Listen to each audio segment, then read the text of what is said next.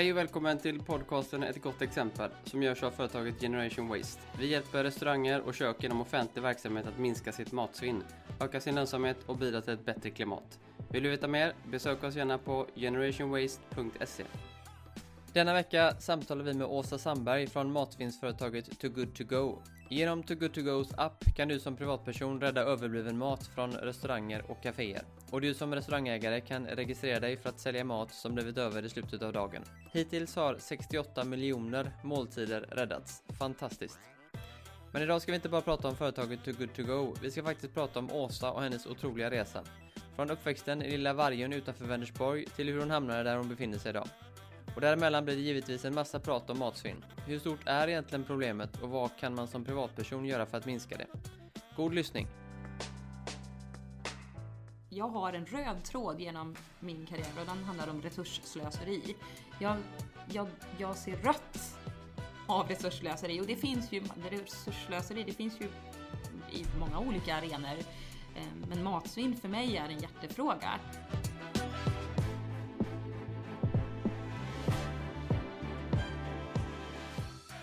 Hej och välkommen till podcasten Ett gott exempel. Nu kör vi um, avsnitt nummer 24 och vi sitter här i Stockholm, jag och Rickard med Åsa Sandberg på Too Good To Go. Eh, välkommen! Alltså stort tack! Jättekul att eh, sitta här med Och nu får vi träffas eh, fysiskt, fysiskt också. Vi sitter med avstånd och sådär. Så att, men det var ehm, jättekul att komma hit. Eh, du kan väl berätta lite kort bara lokalerna som vi sitter här. Häftig miljö tycker jag. Ja, vad kul. Vi, vi sitter på Epicenter i Stockholm som ju är ett kontorshotell, eller en hubb för framåtlutade företag eh, inom, både inom tech och andra branscher också. Och, eh, ehm, det är verkligen en fantastisk lokal. Vi har suttit här i ett år nu, men här kan man ju göra massa massa roliga saker, event, för det kan man inte göra nu då, men, men när det väl öppnas upp. Och eh, det är många som kommer hit och hyr lokalerna bara för att de, de är så höga och mycket rymd. Vi tittar ju ut här i en glas, glasarena som jag vet inte, vad, vad tror ni, hur högt i tak ja, har vi? 20-25 meter. Ja, 20-25 meter. Och eh, de jobbar väldigt mycket med att knyta an företag så att vi kan liksom verkligen collab med mm. varandra. Så att eh, jag vet inga bättre ambassadörer än det här gänget för Too Good To Go. Det är fantastiskt. Ja, läckert. Mm. Hur, eh, hur mår du då? Hur, hur är läget?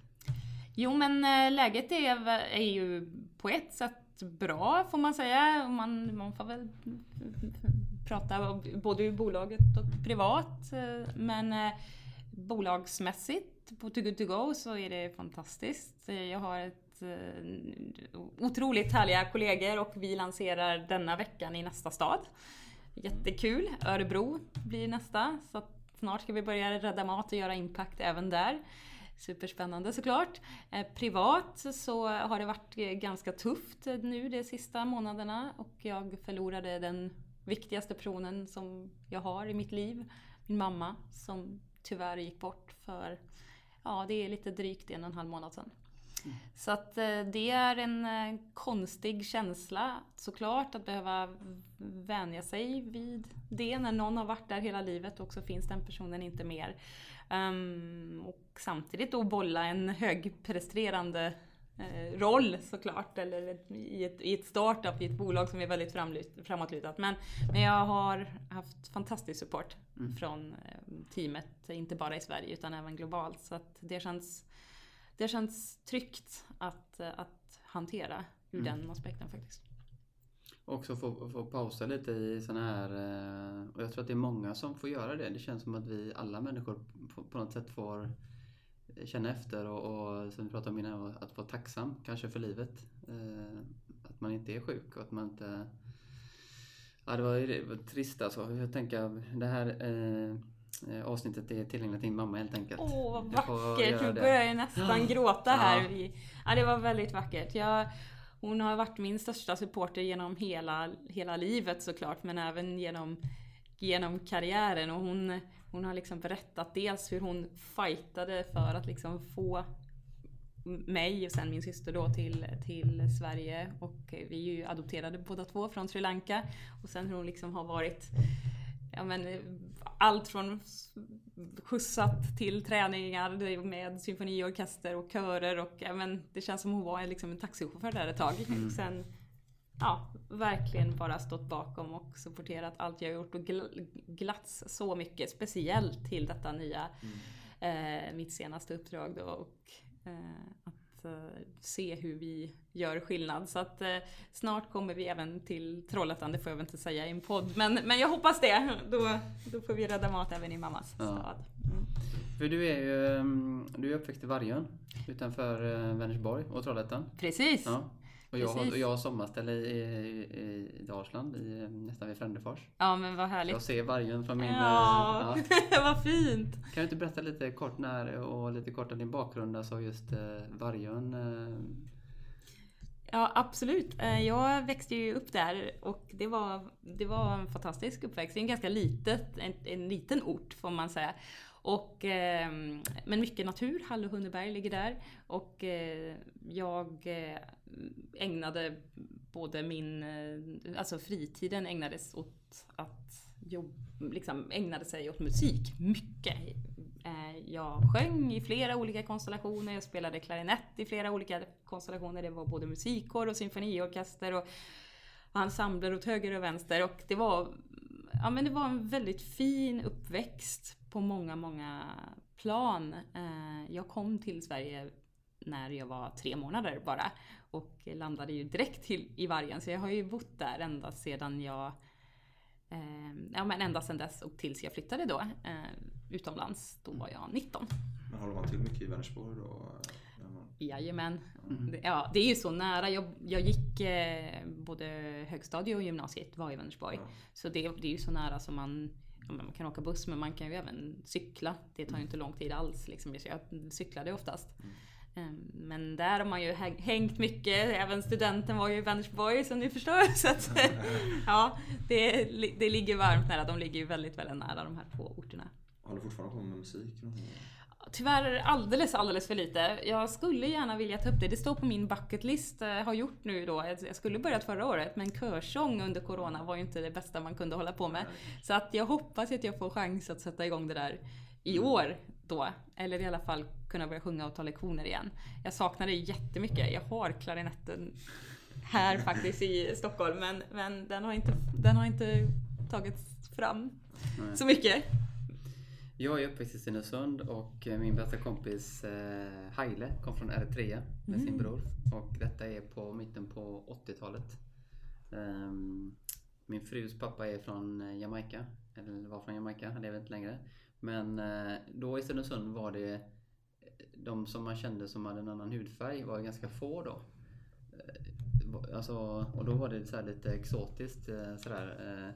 Eh, jag vet att min mamma som är frisör, hon kände på hans hår. Det var helt otroligt. Eh, och jag kan tänka mig något liknande som du hade liksom i Vargön då. Eh, hur var det liksom att, att, att växa, alltså hur var den och hur har det utvecklat dig som, som person? Att växa upp i Vargön under då, men jag är ju 79 till årgången så att säga. Ehm, men eh, så att tidigt 80-tal får man säga och framåt där. Det var väl lite precis som du nämnde där. Det kanske inte var så många med utländsk bakgrund eller en annan hudfärg där. Ehm, men, men så att de kan jag nog räkna nästan på handens fem fingrar om jag inte minns helt fel.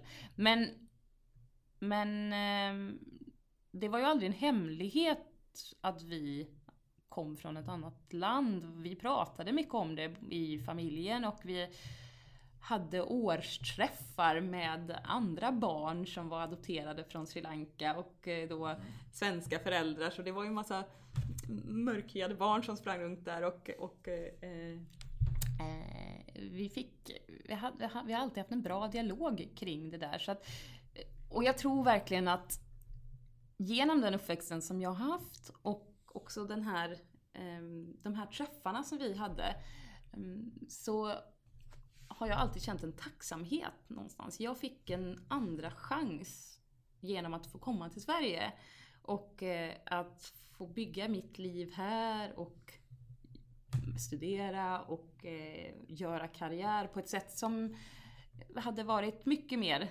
utmanande om jag hade varit i Sri Lanka. Så att jag, jag är otroligt tacksam för den möjligheten som min mamma och pappa faktiskt gav oss. Som, som tog mig hit.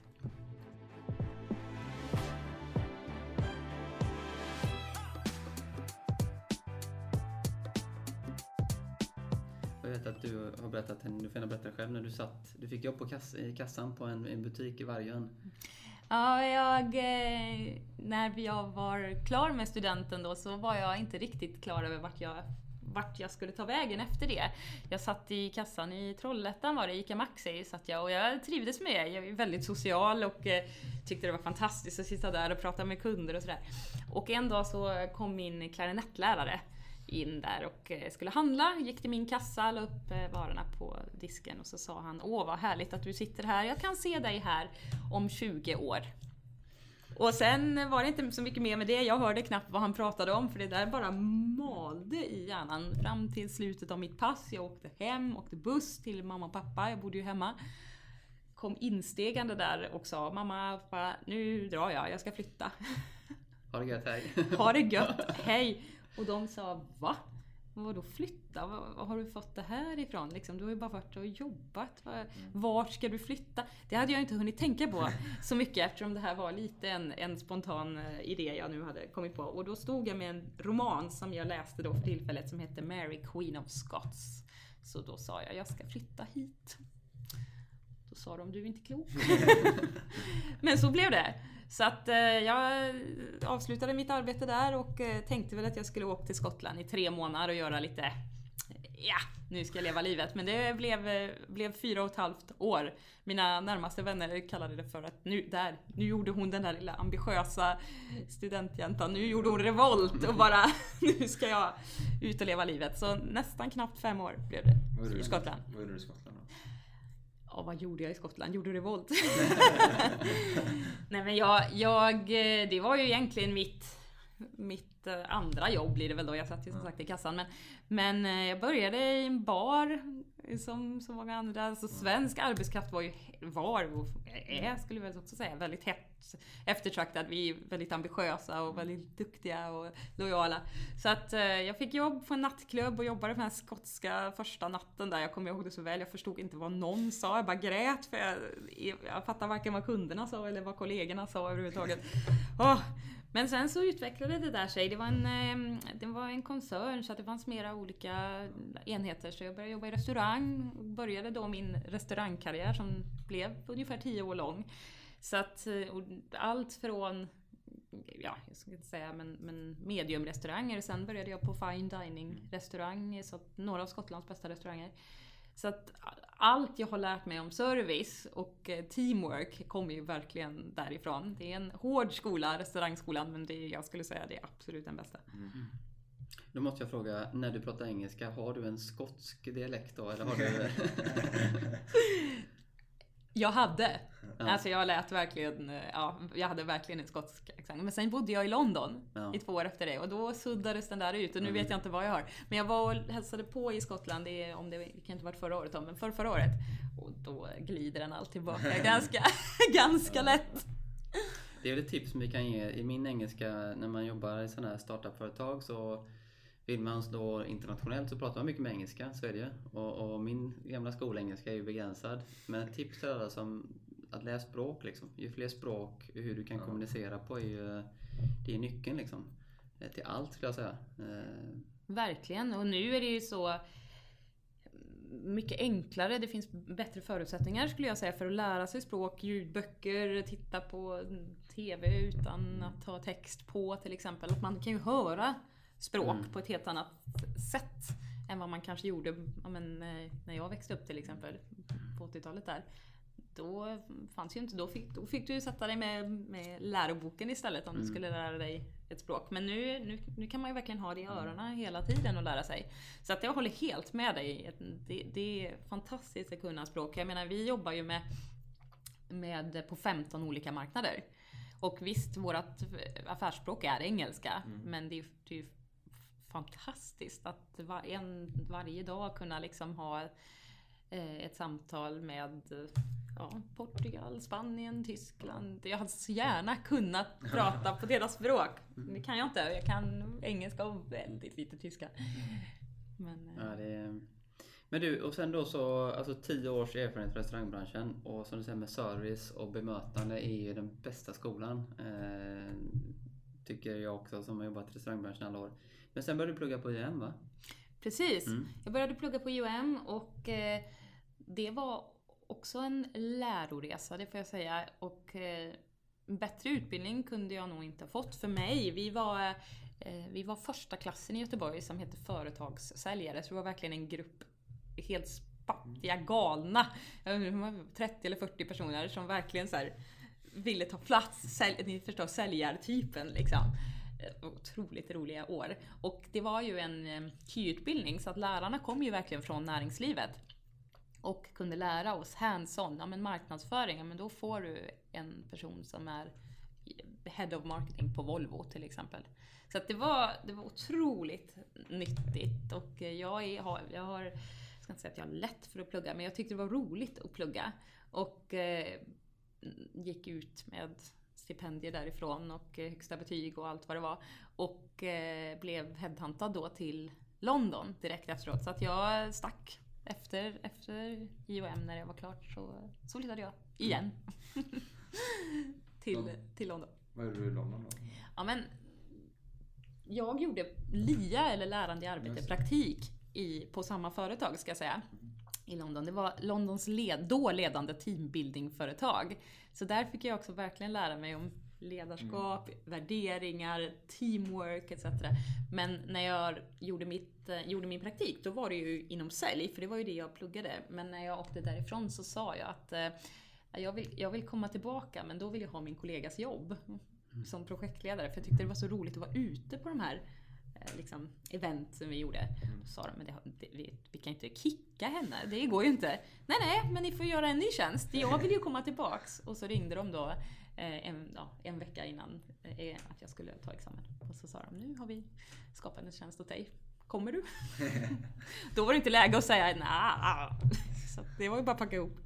Sen har du gjort massa, eh, alltså du har en jättefin CV, gjort mycket, mycket jobb med Business in Heart och Win-Win World och Nudging Sweden och, och sådär. Det är jätte, superintressant. Eh, jag tänker som så här för ehm, för det finns ju så många olika forum i hållbarhets eh, i Sverige om man säger så. Känner du att den här, eh, då när du börjar med hållbarhet jämfört med hållbarhet idag, vad är den stora skillnaden? För det är ändå så här eh, jag upplever att hållbarhet idag kommer liksom in i alla bolag. Ehm, hur var det när du liksom började med de här frågorna? jag håller med dig och jag tror att vi fortfarande har en väg att gå. Man pratar ju mycket om, det här är ju naturligtvis min, min åsikt nu, men, men när jag började så, så var hållbarhet fortfarande, men det, det är klart att det hade väl börjat liksom bubbla självklart och Sverige har haft otroligt duktiga hållbarhetspersoner länge. Man har, jobb, man har ju jobbat med det här. Vi är ju en av de länderna som är liksom främst och det märker man inte minst när man pratar med mina kollegor i dessa 14 länder. De vet att Sverige, Sverige är framåtlutande vad gäller hållbarhet. Ehm, så att en av de stora skillnaderna är precis att nu, nu, nu kan man inte vara ett bolag, ett större bolag eller ens kanske ett medelstort bolag, inte jobba med hållbarhet. Det går inte, då är man ju ute. Men man pratar ofta om hållbarhet skulle jag säga kring miljö, klimat. Men vi har ju också den sociala hållbarheten, mångfald, jämlikhet och där, jämställdhet. Och där vet jag ju många bolag som skulle kunna behöva få sig en bakläxa. Det kan jag säga rent ut och stå för. Men, men eh, det jag också skulle säga är ju att när jag började intressera mig för hållbarhet och beteende, mycket kring nudging då, så, så tror jag att det också kommer komma mer och mer och mer. Just det här att behöver, vi behöver ju få till det här skiftet. Och man tittar man på Corona till exempel, ja men Corona gjorde ju att det blev resstopp. Och vad behöver vi då göra för att få till samma skifte när det gäller till exempel klimatförändringarna och det beteende vi måste ställa om? Vad är det som krävs? Kommer vi gå tillbaka till att resa som om Corona inte hade funnits? Eller kommer det faktiskt ha förändrat ett beteende? Vad är det vi behöver göra för att verkligen varje dag göra ett aktivt val och säga men jag, vad ska jag göra idag för klimatet? Vad ska jag göra, aktivt göra? Som gör lite, lite skillnad. Behöver inte vara, man behöver inte vara expert, man behöver inte göra allt rätt, men man behöver ju göra liksom någonting. Alla behöver vi bidra. Mm. Och jag kan ju fascineras över att nu är det ju mer och mer i, i media, sociala medier, man pratar om klimat och hållbarhet. Alltså det är ju inte så länge sedan hållbarhet, klimat var liksom en, is, en isbjörn på ett flytande isflak. Mm. Liksom. Hur, hur, hur nära förankrat är det till mig? Mm. Där jag sitter i Sverige. Liksom, Det, det tickar ju inte an i mig. Det gör inte att jag kommer börja agera. Men nu när man börjar prata om men klimat, miljö, barn, titta på Greta-rörelsen eller vad vi ska säga, eller Fridays for Future.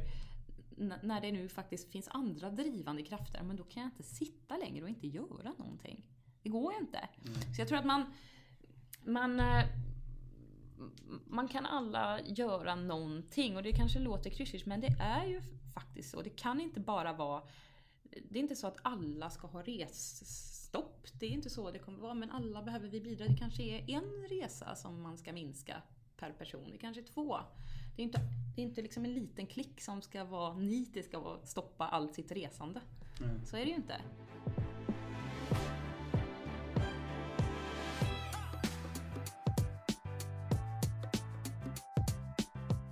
Jag tänkte komma in lite grann på, på Too Good To Go. eh, Där vi sitter här då, uppe i Stockholm.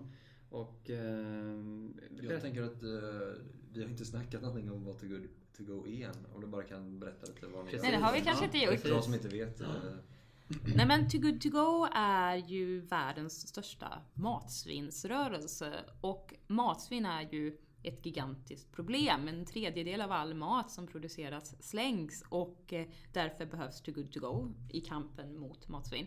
Och vi är då både en app, en marknadsplats där man kan rädda mat på restauranger, kaféer, mataffärer bland annat. Men vi jobbar också på många andra platser, både i skolor men också att jobba med att förändra lagförslag eh, och, och jobba med samarbeten inom affärsvärlden för att just minska matsvinn. Matsvinn finns ju i alla led. Det är inte bara i hemmet som vi slänger mat, även om det är där man slänger mest mat. Utan det finns ju matsvinn redan liksom i producentled, bonden, i mataffärerna bland annat. Överallt finns det svinn. Så vi jobbar verkligen i alla led för att försöka få bukt med det här problemet. Och det startade i Danmark, det är ett danskt företag va? Det start... i... Ja, man kan säga att huvudkontoret, huvudkontoret är i Danmark. Eh, Vi har en dansk eh, VD. Men det grundade sig, eller det började med att våra grundare satt på en middag och insåg att det slängs otroligt mycket mat. Vad ska vi göra åt det här? Och där föddes idén till den här appen. Så att det är ett Grundarna är från både Frankrike, Storbritannien, Danmark bland annat. Så att jag bru- brukar säga att det är liksom ett internationellt bolag men ja, huvudkontoret sitter, är, är beläget i Danmark. Mm. applikationen funkar ju så att man, man går in och så kan man eh, köpa mat från olika restauranger. Och så hämtar man det för ett billigare pris då. Precis, så att eh, man, man kan eh, gå in till kanske sin favoritrestaurang eh, och då tittar man om de har något överskott idag och så köper man det för en tredjedel av priset. Och då hämtar man det på en specifik tidpunkt som restaurangen själv har lagt upp. Och tanken är ju liksom inte att restaurangen ska kunna sälja det var, hela tiden varje dag. För det är ju matsvinnet vi vill åt. Det vill säga det som är över i slutet på dagen. Och det kan ju variera från dag till dag. Det är ju inte tanken att man ska veta i förväg, för det vet ju inte ens restaurangen, vad det blir för svinn. Så att man, det är en överraskningskasse, en värdekasse. Så att det du betalar, det, du betalar en tredjedel, så att säg att du betalar 39 spänn för din påse, men det är ett värde av 120 spänn i påsen. Och det kan vara allt möjligt roligt. Det är som ett, eh, det är som ett Kinderägg. Jag, blir lika, jag är fortfarande som ett barn varje gång jag hämtar något. Jag tycker det är så roligt. Vad är det jag fick? Vad fick jag? Speciellt om jag går till ett nytt ställe. Det är ju verkligen roligt. Jag har upptäckt flera nya ställen, i, särskilt i min närhet. Jag bor på Söder. Som jag inte hade haft koll på innan. Nu går jag dit jämt. Ja. Ni har räddat 64,9 miljoner måltider. Och ni, eh, ni, ni når 34,1 miljoner människor runt om i världen. Det är helt otroligt. Ja, låt det sjunka in. Det är ju, det för mig också, jag får nästan gåshud. Hur är det liksom... Tänk så många miljoner måltider som annars skulle ha slängts. Det skulle ha slängts. Och det är verkligen att göra impact på riktigt. Mm. Att rädda mat i stor skara. Och vi, liksom, jag ska inte säga att vi har bara börjat, men man får ju inte glömma, vi har ju inte funnits så länge. Alltså 2016 och de här siffrorna, det talas ju tydliga språk och det är ju för att modellen är, modellen är så enkel. Och det är ju verkligen det som är nyckeln. De vi jobbar med, de målgrupperna, kaféer, restauranger, matbutiker, de har ju inte det här som kärnverksamhet. Det här är ju bara något de måste jobba med och då måste det ju vara enkelt för dem. Det ska inte vara en massa administration eller annat. De ska enkelt kunna lägga det som är över i slutet på dagen i en påse och sen kommer någon och hämtar den påsen. That's it. Och på restaurang, när man jobbar på restaurang eh, så vill man ju nolla. Eh, alltså man vill ju det ska vara noll när man går hem. Och så kommer man in på morgonen så startar man upp maskineriet igen på nytt. Det är ju liksom... Eh, men jag tänkte på det här med... Just som du säger att på något sätt så blir det ju en, det en, en rörelse på något sätt. Hur får man med sig... Så jag tänker i, i ditt dagliga arbete så någonstans att, att inspiration kommer vi alltid in till. Vi pratar mycket om det i Generation Waste, att inspirera. Och ehm, jag kan uppleva ibland när man jobbar mycket med admin eller mycket sådana saker. Så här, inspirationen måste ju komma och när du inte är inspirerad. Det är en utmaning kan jag tycka. Framförallt med mat. Ja, då handlar det ju falukorv och makaroner eller vad det nu är. Liksom. För att, och då går det in tillbaka till hållbarhet. Att hitta inspirationen. Hur, eh, hur gör du då? Alltså jag, jag drivs, jag, mitt, mitt driv kommer från att jag vill minska orättvisorna i världen. Jag kan tycka att världen är skev. De planetära liksom, resurserna, det är skevt. Vi kan sitta här i detta fantastiska kontorskomplex och fylla på med te, kaffe, vatten när vi vill. Obegränsad tillgång. Medan vi ju pratade precis innan den här intervjun om att länder på andra sidan jorden, bland annat mitt hemland, eh, eller där jag föddes ska jag säga, där är maten till viss del slut.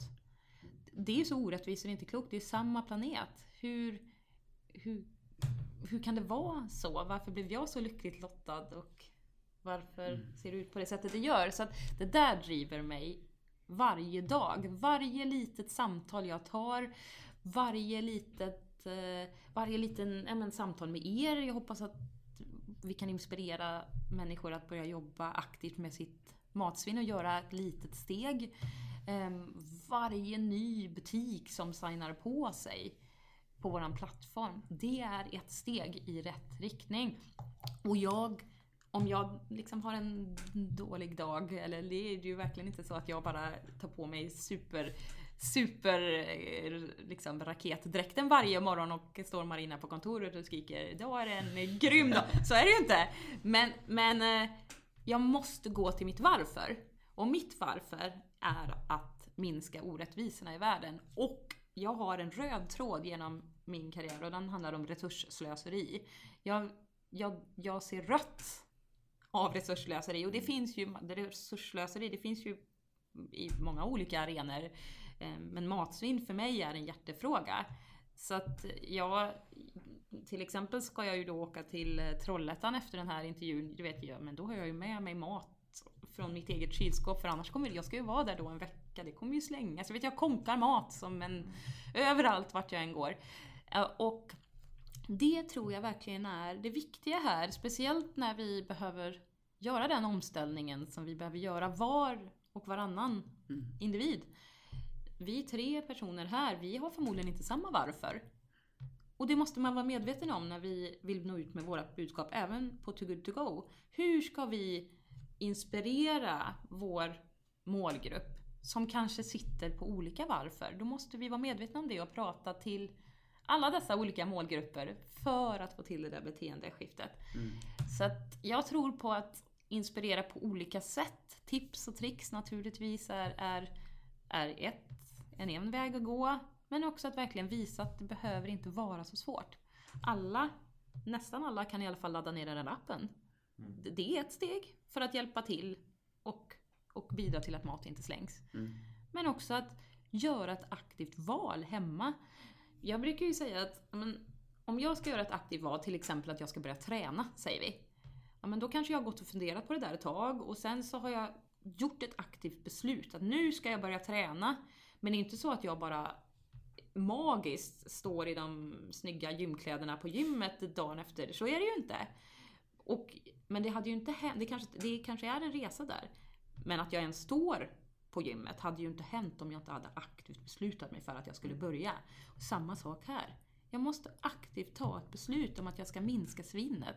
Sen kan jag börja titta på vad är det jag ska göra då? Ja, men då kanske jag kan börja med att planera bättre eller använda mina rester. Och det, man, det behöver inte vara så komplicerat. Jag är ingen stjärnkock hemma. Långt ifrån mina vänner som lyssnar på det här nu skulle kommer skratta ihjäl sig. Jag är verkligen liksom, köket är inte liksom någonstans där jag har det högsta självförtroendet alls. Men jag använder rester. Och Mm. jag, om jag har lite pasta kvar och det kommer inte räcka till middag nästa dag. Nej men strunt i det då, ha det som mellanmål. Eller lägg ihop det med något annat. Koka en halv portion ris då. Eller, alltså det behöver inte vara så uppstyrt varje, varje måltid. Jag tror inte det handlar om eh, också att man har en viss respekt för, för maten och, och det liksom att det måste ändå vara någon slags polett som trillar ner för en. Att man ser, om man ser en morot så ser man inte bara en morot, kanske man ser vart den kommit ifrån och vilket jobb ligger bakom den. Att det är något som måste börja förmedlas ut bättre också kanske. Alltså, jag älskar att du sa detta. Ja, precis. Så rätt. Mitt högsta kärnvärde är respekt och det går ju verkligen också i linje med matsvinn. Det är ju någonting som vi, jag ska säga lite har tappat, men, men den här i alla fall hos mig, eller liksom den här, den här middagsstunden som vi hade när jag växte upp. Liksom, men klockan, mm, är det middag? Och det kan, visst, barnfamiljer, det, så, så kanske det ser ut i hemmen. Men, men vi har ju en stressigare vardag. Man ska försöka hinna med allt, man tar något i flykten. Så att vi hinner ju liksom inte riktigt smaka på maten längre. Eh, och vi lever inte nära jordbruket, vi ser inte hur maten produceras. Så att respekten för maten måste vi verkligen få tillbaka. Hur, hur har den här moroten hamnat på mitt bord egentligen? Jag fick ju höra, det är inte så länge sedan, men jag fick ju höra att eh, hur många personer det tar för att liksom, producera en kopp kaffe. Kaffet som, Mm. som du har framför dig där. Hur många personer det tar för att faktiskt få den dit. Vet ni hur många? Nej. Det är så många led så att det är... Om du gissar då? Eller om ni gissar? Vad? Jag tror jag har hört någonstans att det är typ så här tj- 20 led från där en kaffebönna plockas från där. Något sånt. Så 20 led då och sen alla personer i alla led. Det är, Ja, det är klart. och vattenmängden som är det. är- Hundra är det. Ja. Ja, det Och man kan ju tänka då om en tredjedel av kaffet slängs. Vi vaskar ju det hemma. mm. Mm. Ja, då är ju alla dessa människors jobb helt förgäves. Mm. Och det gäller ju äpplet, halva äpplet vi skränger för att det är lite brunt eller ja, de där lilla resterna vi slängde. Det är ju någon som har, någon har ju lagt ner sin själ i det där. Jag brukar prata om tomatens resa. Att, ja men du vet, det var en planta och så är det någon som har vattnat den, är det någon som har verkligen tagit hand om den, jorden, jordmån etc. Och sen har man skördat tomaten, man har paketerat den, fraktat den någonstans, kanske till en restaurang, förmodligen genom ett antal olika led och den har tillagats av kocken och burits ut från en, av en servitör och sen så kommer den på din tallrik och så slänger du den. För det, det, just med kaffet där, är superintressant du säger också. Kaffet är ju en, om man ser, eh, jag brukar prata med min mormor eh, om kaffet innan kriget. Eller ja, efter kriget. Vi pratar 30-40-tal. Då var ju kaffe en, eh, en, en lyxvara. Som choklad och kaffe och så vidare. Och idag är kaffe en, en basvara. Och eh, hur... Eh, jag tror ju som så här. Man brukar säga som så här, man saknar inte kon förrän båset är tomt. Eh, Och nu är det så här verkligen, eh, vi tar det för givet. Det finns en uppsjö. Och eh, vi pratade lite grann innan här med ehm, eh, att maten tar slut. Alltså, vi har ju en kris här i Sverige. Ekonomiskt ja, mm, socialt ja. Men rent så här, butiken är fortfarande fulla med mat. Eh, Så din drivkraft tycker jag är så här, eh, ja, att få, och jag upplever, eller vi upplever nu i skolan att det händer, börjar hända någonting. Jag börjar känna att det börjar hända någonting. Eh, Och det är ju samtidigt som det är tuffa tider så är den här processen nu, nu jäklar. Du pratar om isbjörnen på ett isflak nu liksom. Nu är isbjörnen fan på Antarktis. eh, Ja. Och vara med om det här. Det ger, det ger mig energi. Eh, kan du uppleva samma sak? Ja, verkligen. Och det ser vi ju mm, ja, men bara när vi rekryterar. Vi har ju verkligen rekryterat och gjort en ganska snabb tillväxt i Sverige. Vi var ju 18 på ett halvår tror jag. Och det kan vi ju verkligen se att de människorna som vill jobba hos oss, det är människor som brinner. Värderingar är superviktiga och det ser vi ju nu att det, vi, vi kan liksom inte vara ett bolag som inte walk the talks. Det går, det går inte. Utan det märks ju även på intervjuerna som vi har i samtal med till exempel kandidater att de, vill- de vill ju veta så här, hur gör vi på riktigt för att liksom vara ett hållbart företag. Och, och det är ju verkligen något som händer. Vi ser ju också att eh, barn, min, min kompis eh, två döttrar, ja, men de, det är ju de som är ambassadörer och poliser där hemma. Liksom. Och inte bara hemma utan väl så här, men ska vi verkligen slänga det här köttet? Eller vet att det inte, man, kött är inte bra för miljön. Så att ja, det skulle jag verkligen säga. Det, det kommer liksom det, det kommer så mycket kunskap nu i de här generationerna som... Jag menar, vi hade ju inte hållbarhet på, på vårt skolschema. På no, alltså skulle jag säga. Verkligen inte. Alls. Ja, man pratar om fotosyntesen. Ja, exakt. Det- Det var väl ungefär så långt vi kom. Vad jag minns i alla fall. Så att eh, det, definitivt att det sker ett, ett skifte, ett kunskapsskifte. Och jag tror att det, det är väl där vi måste hamna någonstans. Att vi behöver både liksom några som verkligen stöter på oss och säger att nu, det här går inte längre. Ty, typ, om jag raljerar och säger Greta-generationen. Alltså som verkligen säger nu, enough is enough. Men vi behöver också bli mer medvetna och lite mer utbildade och intresserade tror jag. Ehm, för att själva kunna göra den där beteendeskiftet som jag pratar så mycket om. Att vi behöver göra. Och att förstå att man behöver liksom inte se det som en, ett Kebnekaise som man ska stiga upp och eh, ställa sig på toppen på. Utan det räcker med att börja ta några steg. Mm. Och det behöver inte heller vara en, en bild som man klättrar upp för ett berg. Det kan vara liksom ett steg framåt. Så att det inte blir så jobbigt utan verkligen se det som, en, som, ett, som ett steg att vi ska, måste tillsammans förbättra den värld vi lever i. Mm. Och det börjar liksom med individen, med dig. Inte bara din granne eller Mm. din kompis. Du måste också vara med.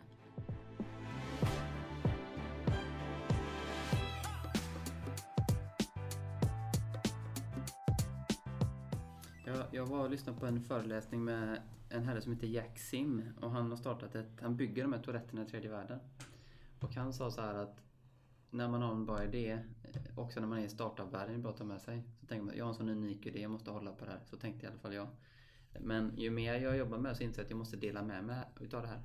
Och han Jack Sim sa så här att du har en bra idé, eh, du vårdar och du bygger den idén.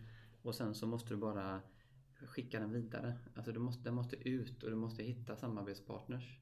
Och eh, jag tycker det var så fint sagt för man tänker att jag har en unik idé som jag ska så här. Men om du inte öppnar upp den här boxen och tar in människor då kommer den aldrig växa. Eh, och det har jag tagit med mig mycket i vårt bolag. Och hur ser du på det här med, för någonstans ja, men konkurrens, det finns massa företag och det händer jättemycket men någonstans så måste man ju inse att man kan bygga för att nå ännu större. För jag tänker ni som växer globalt och, och hela den här globala resan ni gör.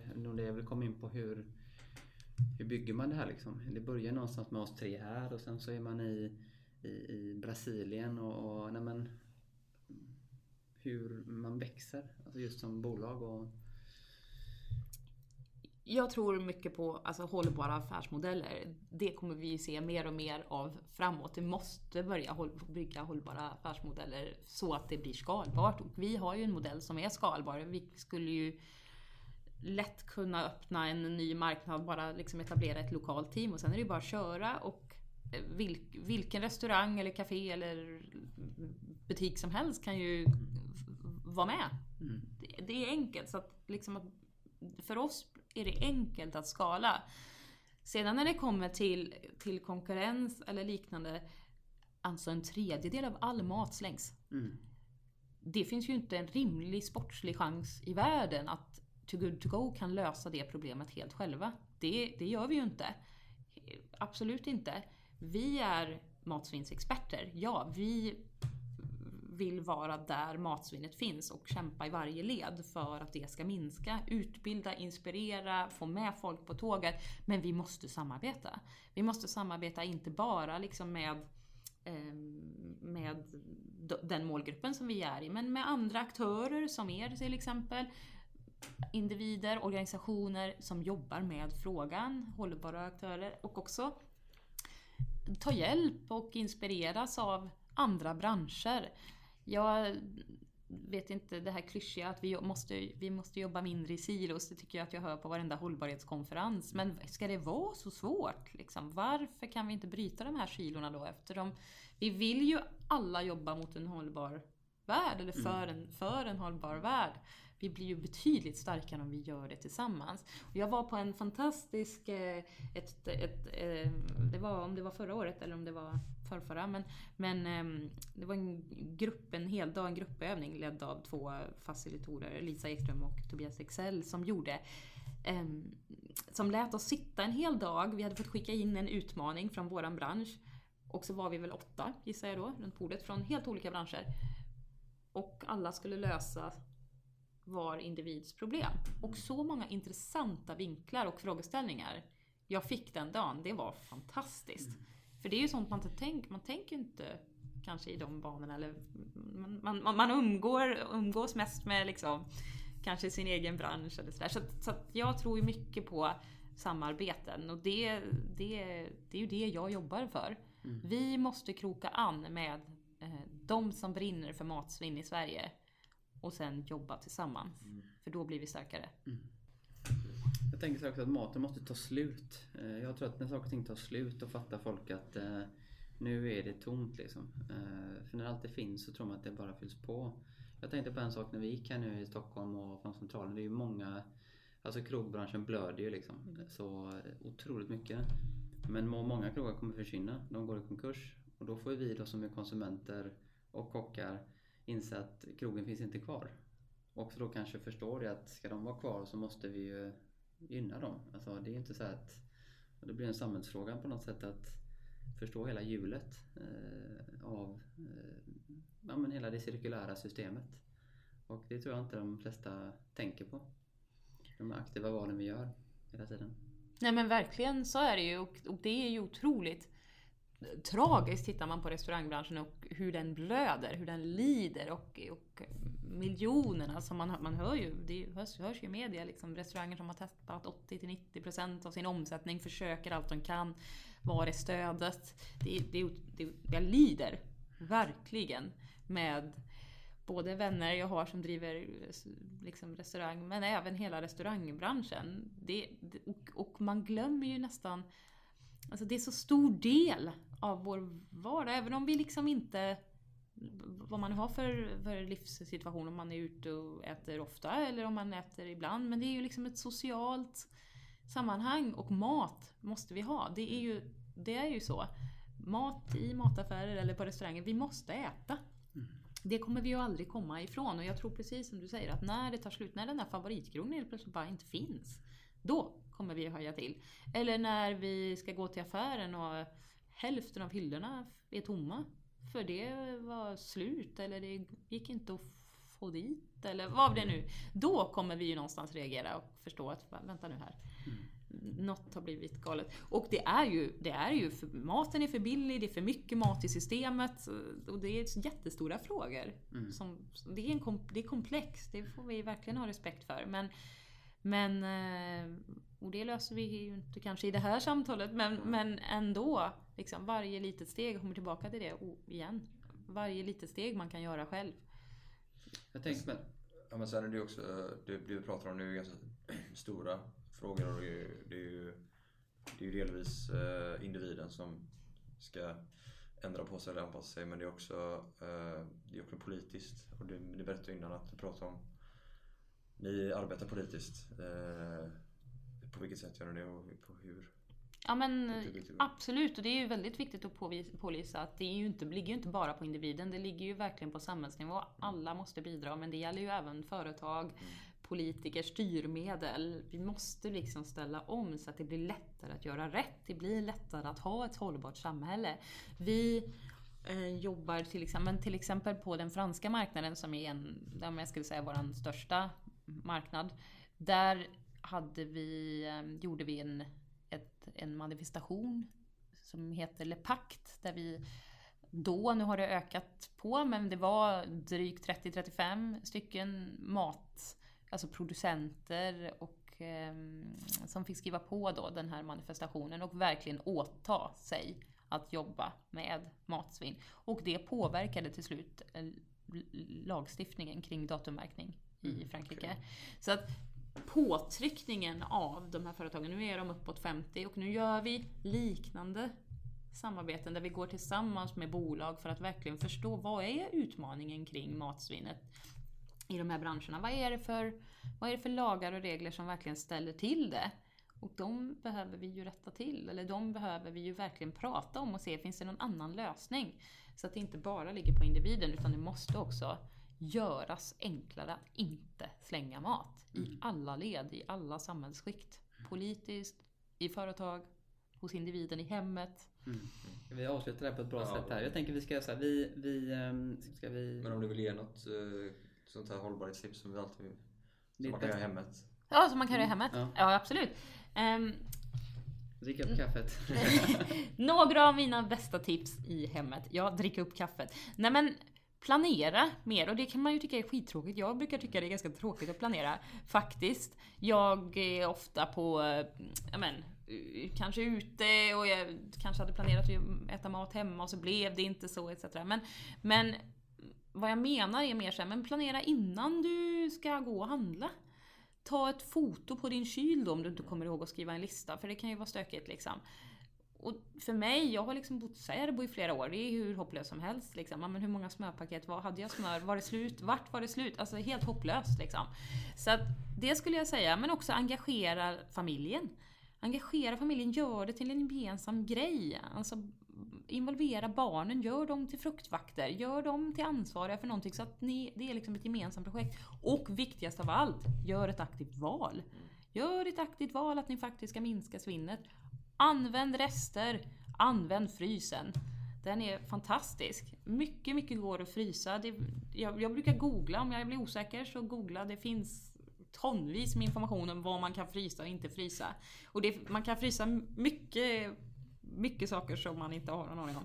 Så att det skulle jag säga, alltså var inte så var inte så rädd för att spara grejer. Och slutligen, förlåt men nu ramlar jag på men det här är ju, det, det här är ju nästan det viktigaste av allt. Datummärkningen. Mm. Oj oj. Alltså det här med datummärkningen. Bästa bäst före datumet och sista förbrukningsdag. Bäst före är en rekommendation. Mm. Mjölken blir inte dålig midnatt dagen som datumet står. Alltså den blir inte det. Lukta, smaka, känn efter. Jag på riktigt, jag är ju extrem, det fattar jag ju. Men jag lagade mat nu igår kväll på crème fraîche. Den var två månader gammal. Mm. Jag smakade, den, är inte, den var inte farlig. Det är inget farligt och jag fattar att så extrem behöver man ju kanske inte vara. Men det är en rekommendation. Sista förbrukningsdagar, men då ska man ju, då, då, mm. det datumet ska man ju ändå hålla på. Men bäst före. Det är som att vi har glömt att vi har sinnen. Ja. Och de sinnena, de är ju alltid med oss. Så det är ju inget vi behöver liksom göra något meck med. Det räcker ju bara med att lukta. Mm. Och believe me, om mjölken är dålig eller om äggen är dåliga så lär du mm. känna ja, det. det känner man. Ja. Du Åsa, grymt inspirerande att träffa dig och vi är jätteglada för att vi fick till det här. Vi tycker att du är grym. Mm. Och, eh, alltså kärlek, jag tycker att ni är grymma. Ja, men lycka till med allting nu. Och ja, som sagt var, vi, vi sa det, vi tillägnar det här avsnittet till din mamma. Ja, ja, tack så jättemycket. Tack för att det här samtalet och för att mamma fick vara med. Mm. Tack så mycket. Tack. Ha det gott. Ha det bra. hej. hej. Stort tack för att ni har lyssnat på dagens avsnitt. In och följ oss på sociala medier där vi heter ett gott exempel och tryck på prenumerera-knappen i appen du lyssnar i. Vi ses nästa vecka. Ha det gött!